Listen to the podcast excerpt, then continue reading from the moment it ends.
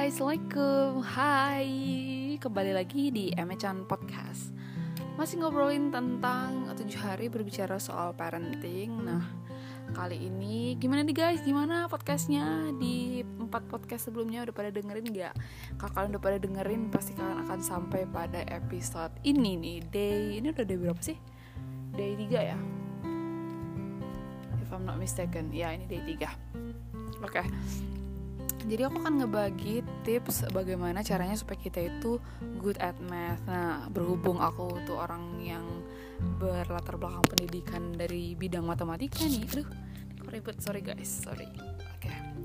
Nah, berhubung aku tuh orang math yang which is I love math since my elementary school and I continue to keen on math on my junior high school and I still fall in love with math until my senior high school and it's end up with me studying in the mathematics major in the university. So ini sebenarnya accidentally sih aku suka math tapi setelah kemarin belajar ternyata tuh nggak ada yang accidentally.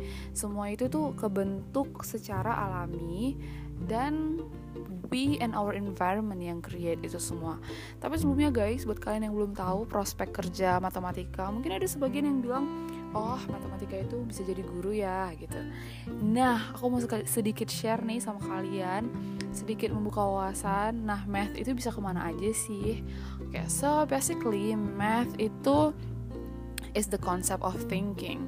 Cuman kita tuh kadang thinkingnya kita itu selalu kita kaitkan dengan hal-hal yang bisa kita lihat saja gitu kan. Contohnya kayak 2 tambah 2 itu sama dengan 4. Itu kan we cannot see, we cannot see the number. 2 plus 2 equal, equals to 4. Nah, itu kita bisa lihat. Nah, karena number itu sesuatu yang bisa kita lihat, maka matematika itu cenderung dikaitkan dengan angka dari awal kita belajar, dari pertama kali ya dari elementary school. Addition, subtraction, division, multiplication, semua itu selalu dikaitkan dengan yang namanya angka. Padahal sebenarnya math itu ada juga loh geometry which is shape, terus ada juga data probability which is prediction of something. Jadi sebenarnya math itu tuh the concept of thinking, cara bagaimana kita menyelesaikan masalah. Nah, karena cara dalam hal kita menyelesaikan masalah itu terlalu banyak, maka matematika itu diaplikasikan ke banyak sekali ilmu pengetahuan. Eh, pengetahuan, guys, what happened with me? Pengetahuan ya guys, jadi diterapin di banyak ilmu pengetahuan termasuklah dalam bidang ekonomi karena ekonomi itu udah uh, ada accounting. So accountant sometimes they learn about math, and in uh, engineering. Karena kan engineering itu banyak ya pakai angka-angka yang kecil-kecil logaritma itu pakai. Tapi bukan cuma engineering sama si ekonomi aja yang pakai. Sometimes in pharmacy in medicine they use it as well but karena proporsinya kecil jadi nggak terlalu menonjol. Nah kalau misalnya di jurusan aku sendiri matematika itu di matematika USU ya karena I am graduated from University of Sumatera Utara. So di USU itu matematika dibagi ke dalam empat jurusan yang pure math. So if we want to be a researcher, you want to keen on with math and bener-bener belajar yang math murninya itu namanya pure math. Pure math itu ke mana ntar? Nah pure math itu ntar bakal jadi dosen, researcher dan meneliti tentang uh, pengembangan rumus-rumus yang ada di matematika. Intinya itu ngebahas tentang core konsep nah gitu. Yang kayak kenapa integral tuh ini? Kenapa rumus dari luas segitiga itu ini? Nah itu semua itu dipelajarin di pure math. Kemudian selanjutnya ada mathematics for statistic. Nah mathematics for statistic ini tuh banyak banget pengembangannya. Kalau misalkan tahu aktuaria aktuaria itu dari sini dari math for statistic. And kita juga punya badan pusat statistik yang which is talking about data prediction and something like that. Jadi semua tentang data saham yang pergerakan datanya luar biasa ya. Every second is counting itu masuk ke dalam si statistik. So if you want to be a statistician you have to good at math karena statistik itu awalnya dari math. Kemudian ini nih yang banyak orang tuh sebenarnya nggak tahu.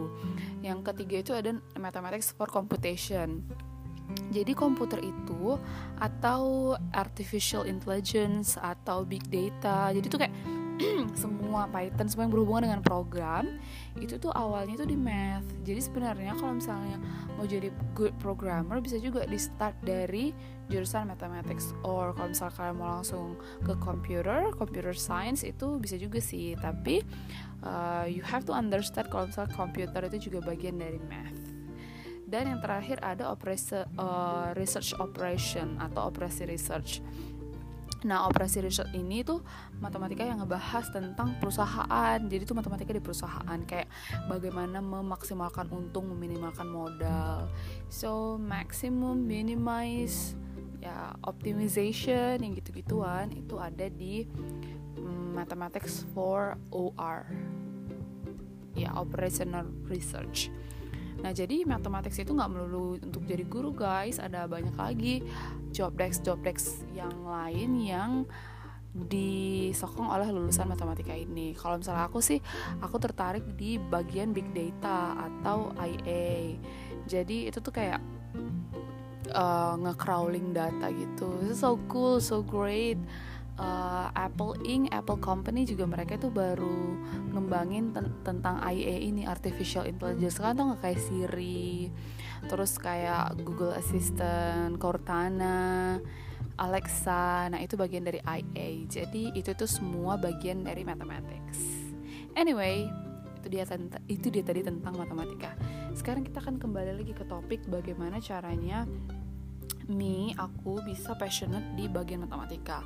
Atau if you have a baby and you want your children to be a mathematician like me ada sedikit tips nih dari aku.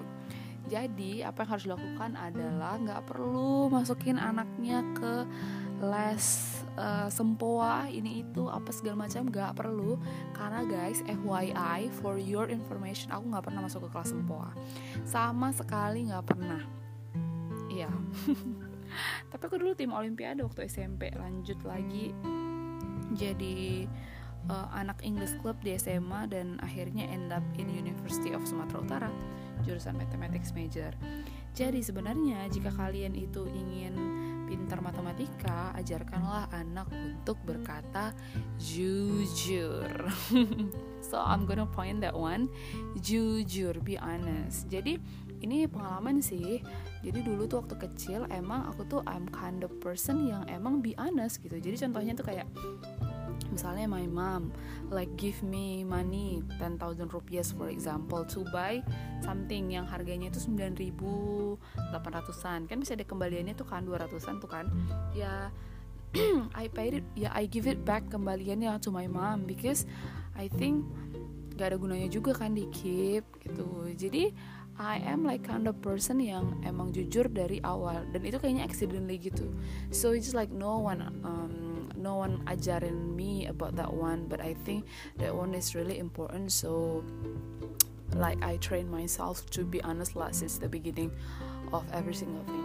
Jadi jujur jujur bener.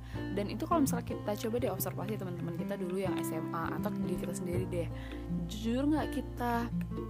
Kalau kita jujur tuh biasanya akan uh, bener-bener berhubungan dengan nilai matematikanya. Soalnya dulu aku waktu SMA ya seingat aku anak-anak yang top 3 di kelas tuh memang anak-anak yang jujur yang kayak bener-bener polos yang kayak ya you give it 10,000 terus misalnya they buy some they buy something terus ada kembaliannya 5,000 ya they give it back gitu.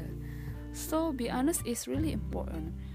Nah, gimana lagi tuh ngajarin sifat jujur sama anak selain yang gitu-gitu tadi yang kasih uang dengan kembalian yang ya emang segitu. Nah, ada lagi cara lainnya. Cara lainnya adalah menyesuaikan antara niat, perkataan, perbuatan dan sikap. Jadi harus sama. Kalau misalnya niatnya itu ingin apa ya contohnya? Kalau niatnya baik deh, maka perkataannya yang baik-baik juga perbuatannya yang baik-baik juga sikapnya juga yang baik-baik juga gitu jadi niatnya pengen pinjem buku yang ngomongnya pinjem buku. So the point is if you want if you feel not comfortable just say it. If you feel not comfortable just say it. If you don't like it just say it. If you don't like it just say it.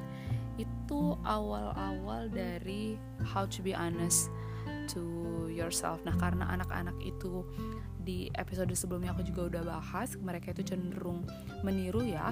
Under 18 itu cenderung meniru. Maka mereka akan meniru mother atau fathernya. So as a good mother kalau misalnya kita pengen anak kita good at math maka kita bisa mulai dari diri kita sendiri untuk jujur pada anak-anak kita jujur pada diri kita sendiri.